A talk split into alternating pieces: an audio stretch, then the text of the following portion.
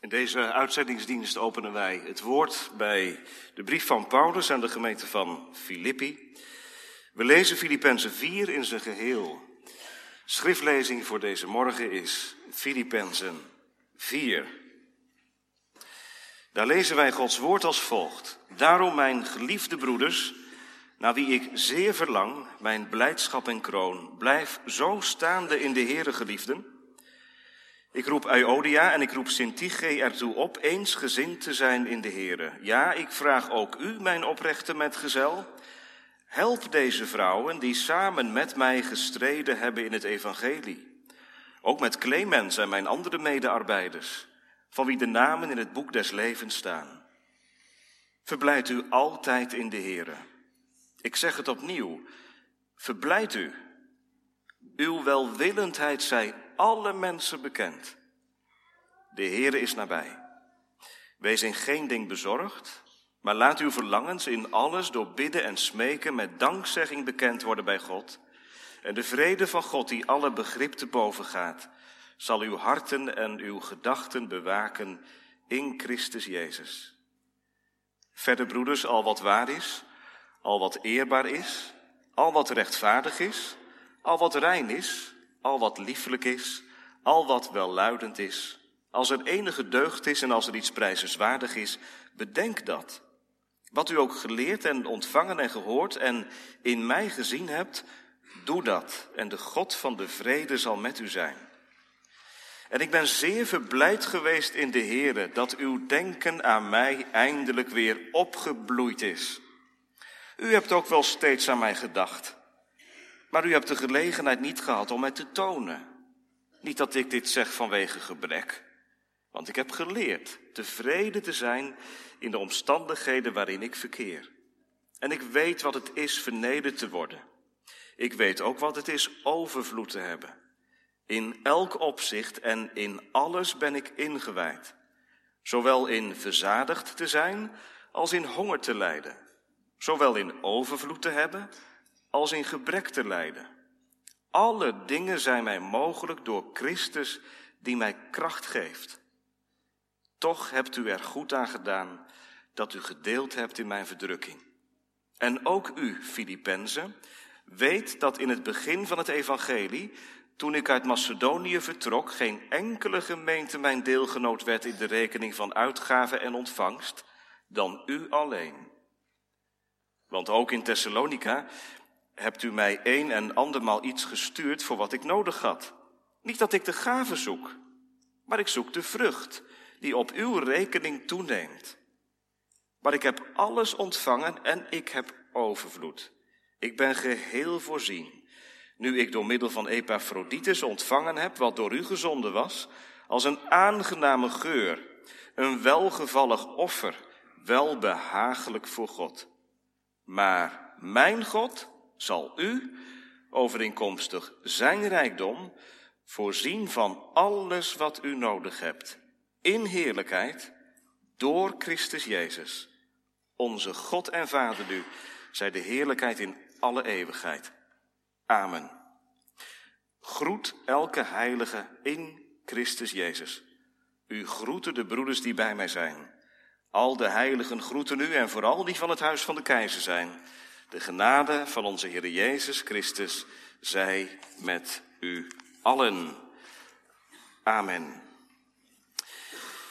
Vers 19 vraagt jullie en onze aandacht. Tekst voor de verkondiging is Filippenzen 4, vers 19. Woorden die de Heer meegeeft aan jullie met het oog op de toekomst. Maar mijn God zal u overeenkomstig zijn rijkdom voorzien van alles wat u nodig hebt in heerlijkheid door Christus Jezus. We zingen straks naar de preek, Psalm 68, tiende vers. Gelooft zij God met diepst ontzag, Hij overlaat ons dag aan dag. Psalm 68, vers 10 na de preek. Boven de preek staat geschreven, jullie missie in Gods perspectief. Jullie missie in Gods perspectief. Drie gedachten daarbij. In de, in de eerste plaats missie in verlegenheid. Want het gaat in de tekst over alles wat u nodig hebt. Nou, dat is heel wat geweest en dat zal nog heel wat zijn. Onze behoefte dus. Onze verlegenheid. Missie met zekerheid. Maar mijn God zal u voorzien van alles wat u nodig hebt. En tot slot missie in geloof. In heerlijkheid door Christus Jezus. Jullie missie in Gods perspectief, missie in verlegenheid, missie met zekerheid, missie in geloof. Allereerst missie in verlegenheid. Sander en Mirjam, Levi, Vins, Benjamin, stel je de situatie voor zoals in Filippenzen 4 aan de orde is. We gaan een donkere cel binnen, een schemerduister. En daar zit een man, Paulus, tussen vier muren. De man wacht op zijn veroordeling, heeft geen toekomst, geen perspectief. We gaan naast hem zitten. We schuiven zo even, even aan. Wat denken jullie, gemeente? Wat voor man treffen wij aan? Een zwaar depressieve man die er helemaal doorheen zit, het allemaal niet meer ziet, voor zich ziet, sombert, alleen maar vragen heeft, alleen maar klaagt. Nee, hè? Zou Paulus het niet hebben gehad? Vast wel. Mens als jij, Sander, en jij, Mirjam. Toch treffen wij, als we hem spreken, in dat schemerduister een heel andere toon aan. Een blijmoedige toon. Het is niet gespeeld hoor. Het is echt, komt van binnenuit. Hij is blij. Waarom is hij blij? Epaphroditus, in het vers hiervoor wordt zijn naam genoemd. Epaphroditus heeft een gave namens de gemeente van Filippi overhandigd aan Paulus. Wat die gave precies inhoudt weten we niet. Vermoedelijk zijn het materiële goederen geweest, ondersteuning. Want Paulus kan zichzelf niet bedruipen. Hij kan zichzelf niet voorzien in deze omstandigheden. Hij is aangewezen op de hulp van anderen. En die krijgt hij. En is hij zo blij mee. En mooi, niet allereerst om die gave, maar om het hart wat erachter zit. Want in het overhandigen van de gave namens Epaphroditus proeft Paulus iets van bewogenheid, betrokkenheid, liefde voor hem, Paulus, en voor de dienst van de Here. Ik hoop dat jullie dat ook zo gaan ervaren. Straks. Materieel, financieel, geestelijk. Dat als je die steun ervaart, heel concreet, dat je net als Paulus teruggeleid wordt naar de bron. Er zit een gemeente achter, er zitten mensen achter, die geven vanuit het hart. Dat is althans de bedoeling van het ondersteunen van het werk in Gods koninkrijk. Dat we het niet doen om er ons van af te maken. Zo, daar hebben we ook aan gegeven, hebben we ook aan gedacht in het gebed. Maar dat iets van de geestelijke betrokkenheid op Gods dingen in zijn koninkrijk eruit komt middels gaven. Paulus zegt, vers 18, het was een aangename geur, een welgevallig offer, welbehagelijk voor God. En weet je wat Paulus dan, dan doet? Als hij het heeft over die gave van Epaphroditus en wij vragen aan hem, Paulus, waarom ben je daar zo blij mee? Nou, ik ben er blij mee omdat ze daarmee aan mij denken. Ik ben er blij mee vooral ook omdat de gemeente van Filippi daarmee laat zien. De zaak van Gods koninkrijk is onze zaak. Maar ik ben er vooral blij mee, ook voor mezelf, zegt hij, want daarmee, daarmee zie ik, merk ik dat de Heer van me afweet.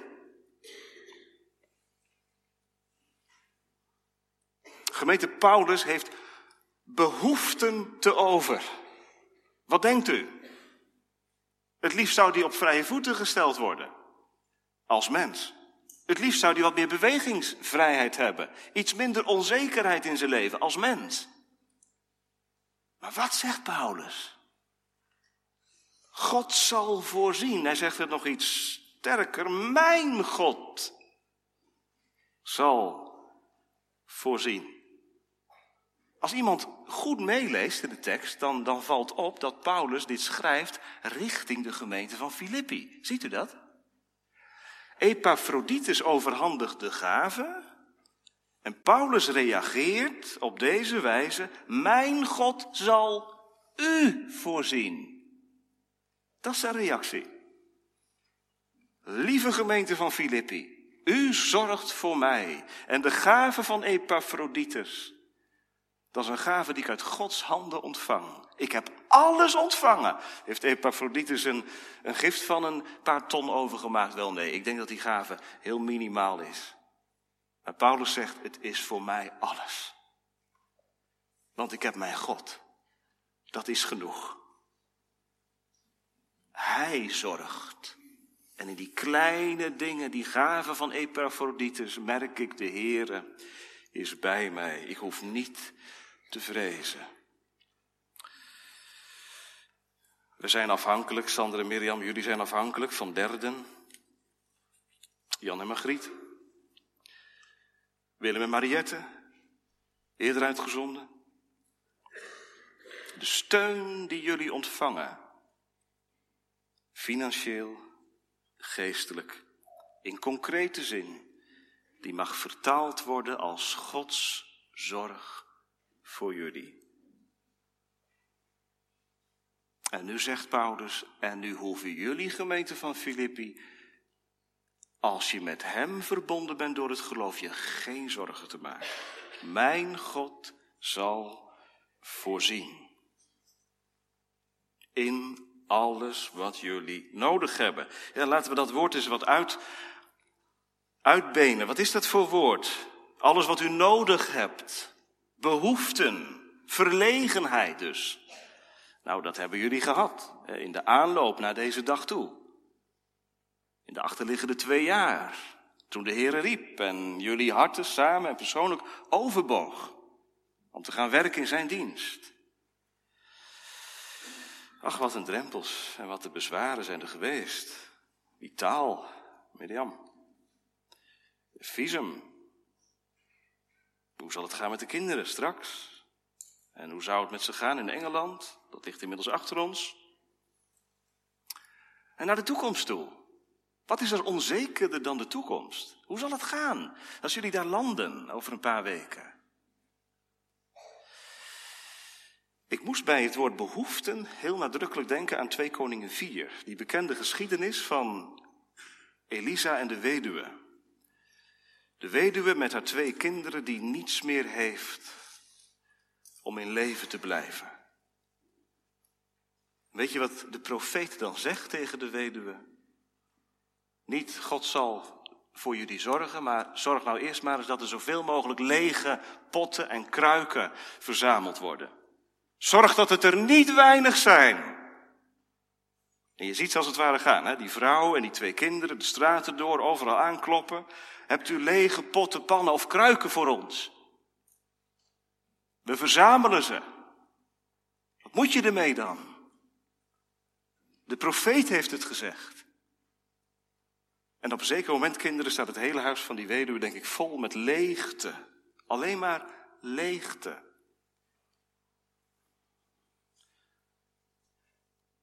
En dan? Vul ze, zegt de profeet. Ja, wat moet je met zo weinig olie en zoveel lege kruiken? Begin maar. En al die pannen en kruiken die worden gevuld en de olie stopt pas totdat de laatste kruik gevuld is. Onze behoeften. Verzamel ze voor het aangezicht van de Heer. Dat is vaak iets wat wij overslaan. Hè? We gaan met elkaar denken en tobben. Onze behoefte, dat is vaak reden om ons te verdiepen in onszelf, met elkaar plannen te maken. En dat mag. Maar Sander en Mirjam brengen het op een hoger plan. Breng het voor het aangezicht van de Heer, voor de God van Paulus, in wiens leven je ziet dat wie op Hem vertrouwt, niet te vergeefs vertrouwt. Kennen jullie het verhaal van George Muller, de man die op zijn hart kreeg om weeshuizen te stichten? Hij had geen cent op zak. Hij had geen grond. Hij had ook geen gebouw. Hij had alleen onmogelijkheden.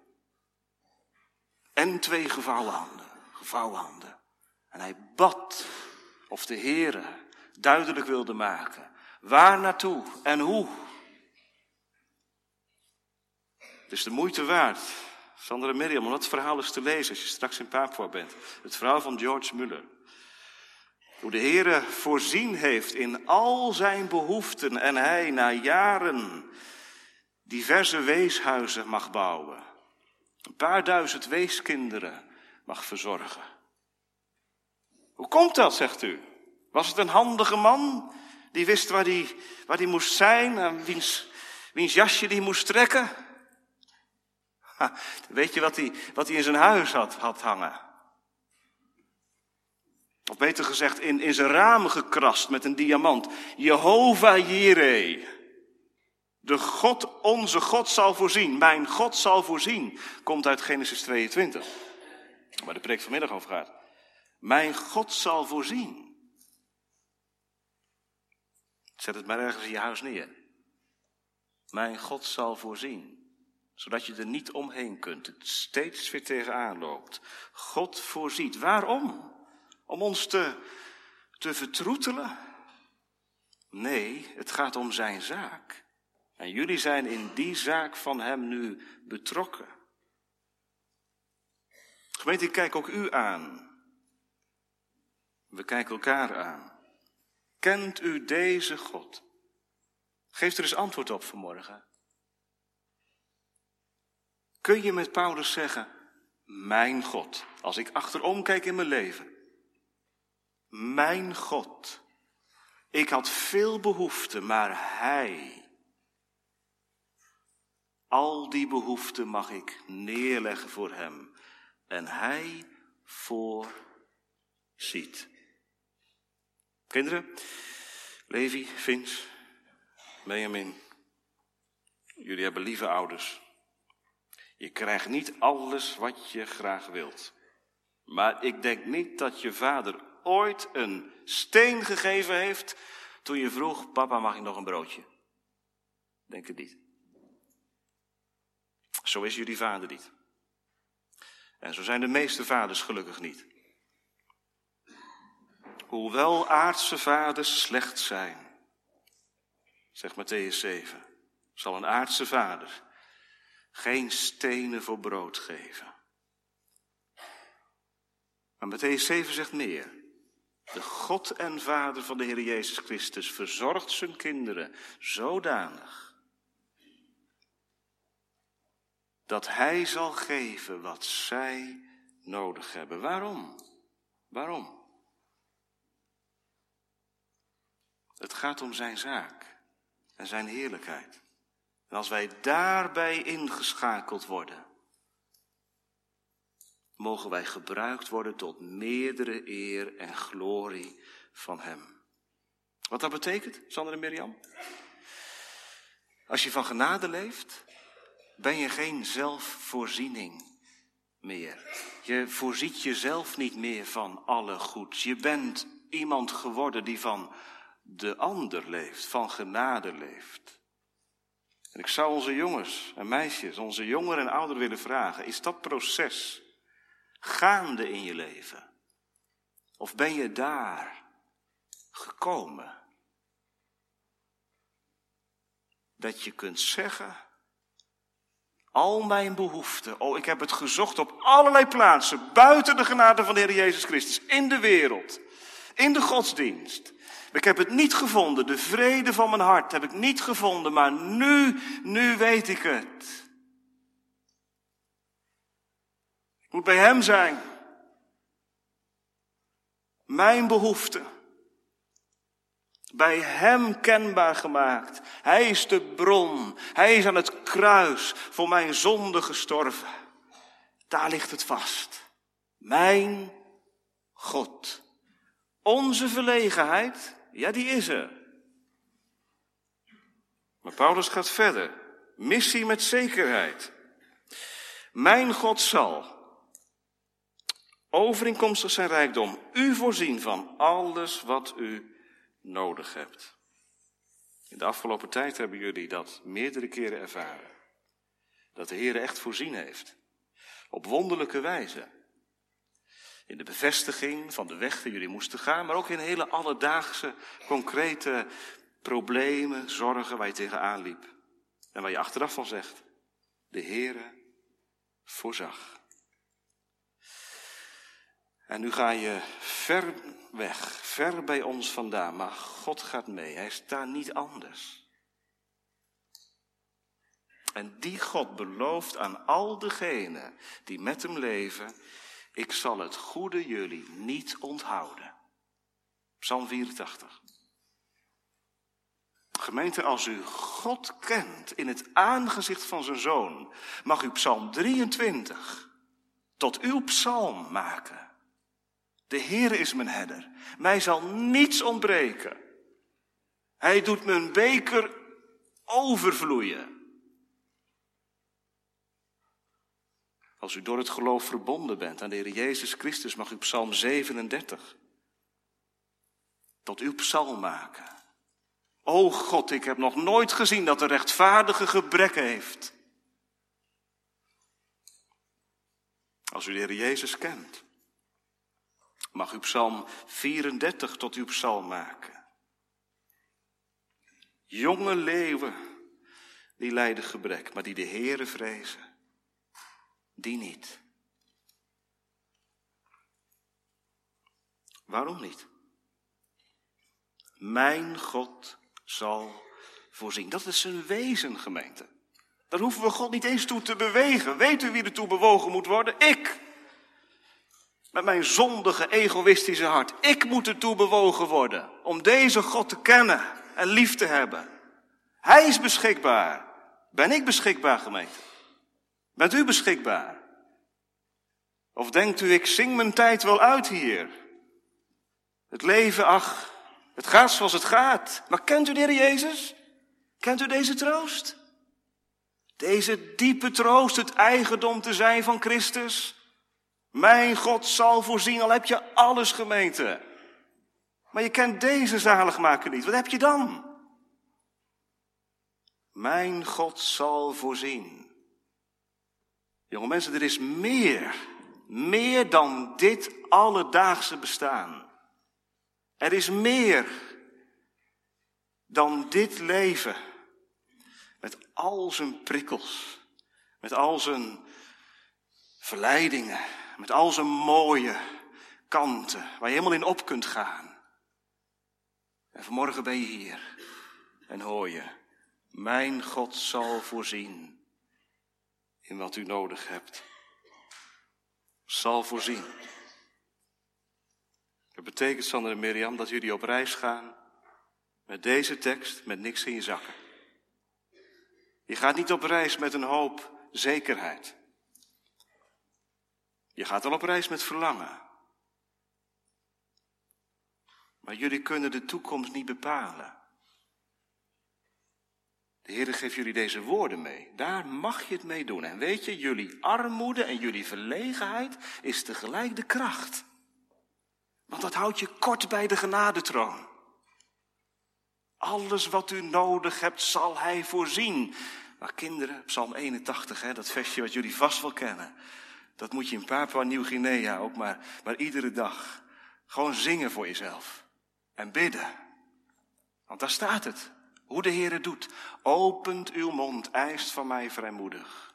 Ik geef alles wat u ontbreekt. Zo gij het smeekt. Mijn God zal voorzien. Let u even op het werkwoord zal voorzien. In het Engels de Engelse vertaling heeft heel mooi, to fill to the full.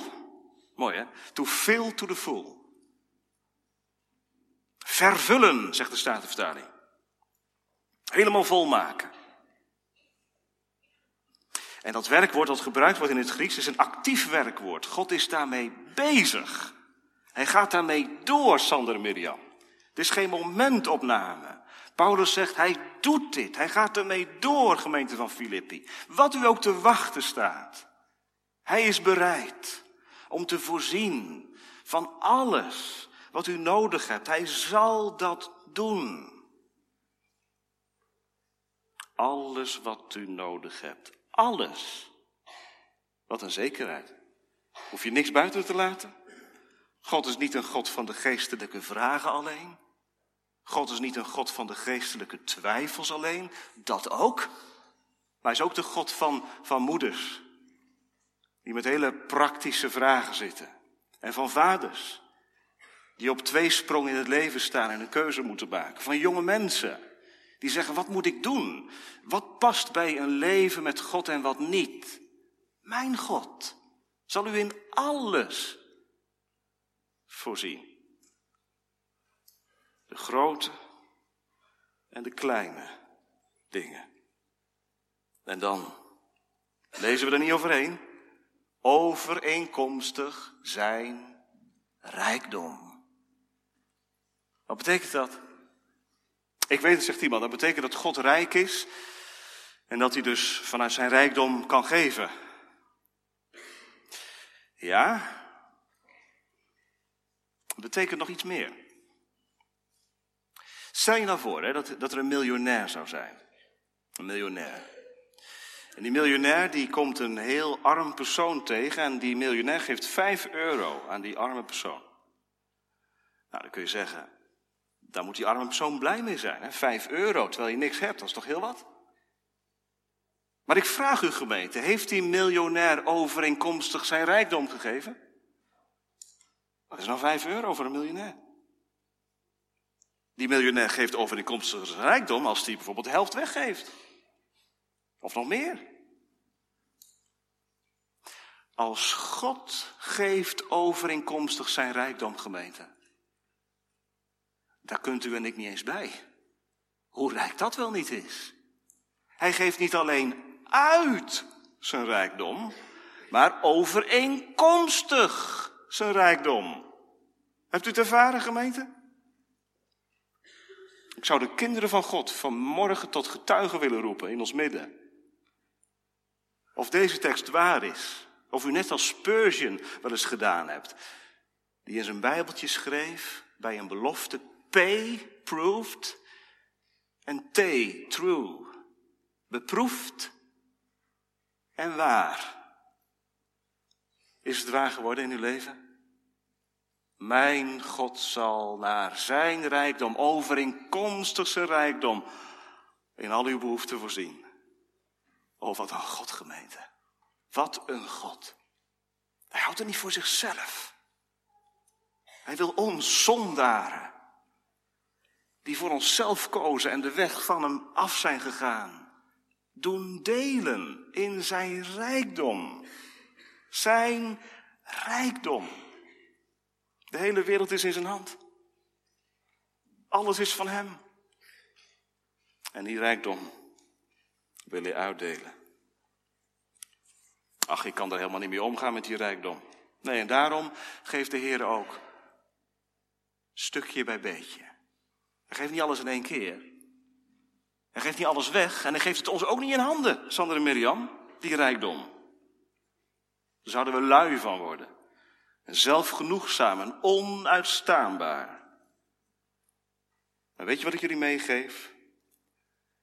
De God die jullie dienen gaat mee naar Papua Nieuw-Guinea. En het is de God die van het inhouden niet rijker wordt en van het geven niet armer. Kent u die uitdrukking? Hij wordt van het inhouden niet rijker. Van het geven niet armer. Wij wel. Hij niet. Wat een bemoediging. Gemeente van Filippi. Sander en Mirjam. Allen die de Heere vrezen.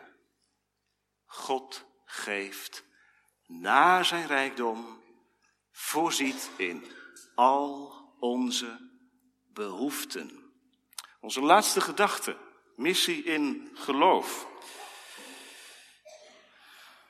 Paulus zegt in heerlijkheid. Door Christus Jezus. Wat betekent dat? In heerlijkheid, dat betekent die rijkdommen die God wil geven, die liggen in een schatkamer. En die schatkamer is de heerlijkheid. Je zou kunnen zeggen de hemel. Daar waar God zelf is.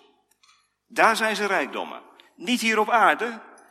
Hij geeft ze. Hij deelt ze uit. Ze liggen veilig bij hem. En hij deelt ze uit aan wie? Aan behoeftigen, aan armen, aan zondaren, aan ellendigen. Niet aan mensen die het lek boven water hebben, niet aan mensen die weten hoe het gaat en hoe het moet, maar aan mensen die het niet weten. Die zeggen, ik moet in alles geholpen worden. Ik mis wijsheid. Ik mis moed. Ik mis vertrouwen. Ik mis doortastendheid. Ik mis, ja, wat mis ik niet? Mijn God zal voorzien in heerlijkheid. Het ligt bij Hem door Christus Jezus. De zegen daalt neer door Christus Jezus. Dat is eigenlijk het kanaal, gemeente. Het kanaal waardoor God zijn zegen verspreidt. God werkt altijd trouwens, door Jezus Christus, nooit daaromheen. God kan niet anders dan door Jezus Christus werken. Want als God rechtstreeks met ons zou omgaan, zouden wij verteerd worden door zijn heiligheid. Maar God werkt door Christus Jezus. Wat betekent dat? Dat het alleen bij de Heer Jezus te vinden is. Dat wij God leren kennen in het aangezicht van Jezus Christus. En dat wij Gods trouw en Gods genade en Gods heerlijkheid en Gods barmhartigheid ook alleen maar leren kennen door Christus. En Sander en Mirjam, toegespitst op jullie situatie, dat jullie Gods vaderlijke voorzienigheid ook alleen maar kunnen opmerken door Christus Jezus. Gods vaderlijke voorzienigheid is niet een of ander vaag plan wat je moet gaan ontdekken. Maar het is dicht bij Christus leven. Door Christus Jezus. Hoe gaat dat dan? Hoe werkt dat dan, gemeente? Weet je hoe God dat vaak doet? Door die behoeften van ons heen. Door die verlegenheid van ons heen ons aansturen op Christus Jezus. De tegenwind die opsteekt in je leven. De nood en zorg die je bestaan binnenkomen. Het leven wat zich altijd afspeelde onder een wolkeloze hemel. Maar het weer slaat om. En dan? Nee, ik weet wel, niet alle zorg en niet alle nood verbindt ons aan de Heer Jezus Christus. Dat weet ik. Maar God kan het wel gebruiken. Die hoek in je leven. Tot eeuwige zegen. Dat moeilijke, wat zoveel vragen oproept. Dat je bij de rots uitkomt. De verberging tegen de wind. Sander en Mirjam, er zullen momenten zijn in Papua. Allicht dat je zegt, waar zijn we aan begonnen? En misschien wel waren maar in Nederland.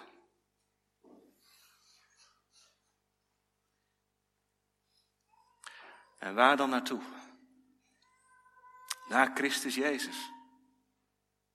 In wie God jullie zal laten zien ik heb jullie hier zelf gebracht. Mijn God zal voorzien. Het is zo'n mooi woord, maar het is ook een spannend woord, want het laat de vervulling helemaal voor rekening van Hem. Gemeente, dat kunnen we eigenlijk niet aan, hè? Dat kan ik niet aan, dat kunt u niet aan. Dat God mag voorzien in het leven. Maar dat is nou de geloofsstrijd, de geloofsverbondenheid ook met Hem Het voor rekening laten van Hem. Heere, wat u doet is goed. Neem mij aan uw hand en leid mij.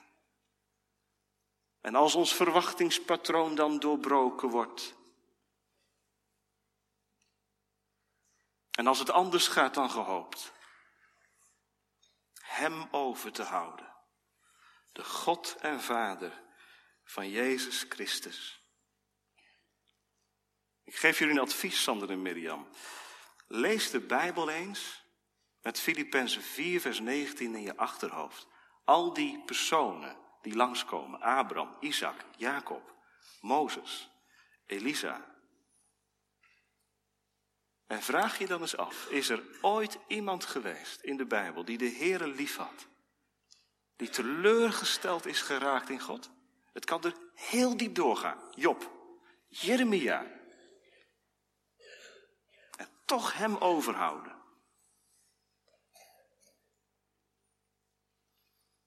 Gemeente, deze rijkdom is weggelegd voor verloren zonen en dochters. Hoe weet u dat? Als jij als een verloren zoon, als een verloren dochter deze morgen luistert. U kent de gelijkenis wel, u kent de gelijkenis wel van Lucas 15, de verloren zoon. Hoe werd hij onthaald? Hij kreeg het beste kleed. Een ring aan zijn voeten, eh, aan zijn handen. En schoenen aan zijn voeten. En de heerlijkste maaltijd werd opgediend. Jezus geeft daarmee aan, mijn God zal overeenkomstig zijn rijkdom voorzien in alles wat u nodig hebt. Ik zeg u gemeente, als u vanmorgen als een verloren zoon of dochter tot de genade van Christus uw toevlucht neemt, is deze rijkdom de uwe. Want in Christus heb ik alles. Deze God van Paulus is onze God. Zingt het geloof. En ik hoop dat we het meemaken, Sander en Mirjam. Dat vers 20, hier in Apeldoorn, straks daar in Papua, Jan en Margriet in Kerkrade, Willem en Mariette in Papua-Indonesië, dat het waar wordt. En we het samen ook merken. Onze God. Valt u dat op? In vers 19 mijn. En nu onze. Paulus die betrekt de gemeente van Filippi er eigenlijk bij. Onze God en Vader. O, wij bidden dat we samen met jullie, hier en daar, Gods zegenende hand van genade mogen opmerken. Nu en straks voor eeuwig. Die God overlaat ons nu al dag aan dag, zingt de psalm, met zijn gunstbewijzen.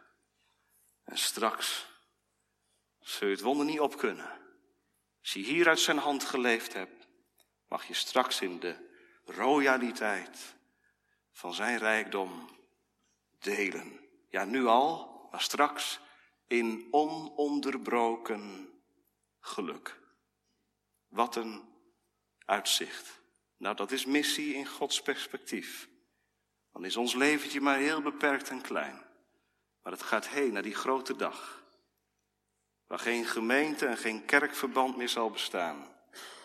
Waar alle verschillen ook eindelijk voorbij zijn. En de eenparig hem de lof zullen geven. De tijd hier is een oefening om deze tekst en de inhoud van deze tekst gelovig toe te eigenen. Deze God, gemeente, is beschikbaar. Amen.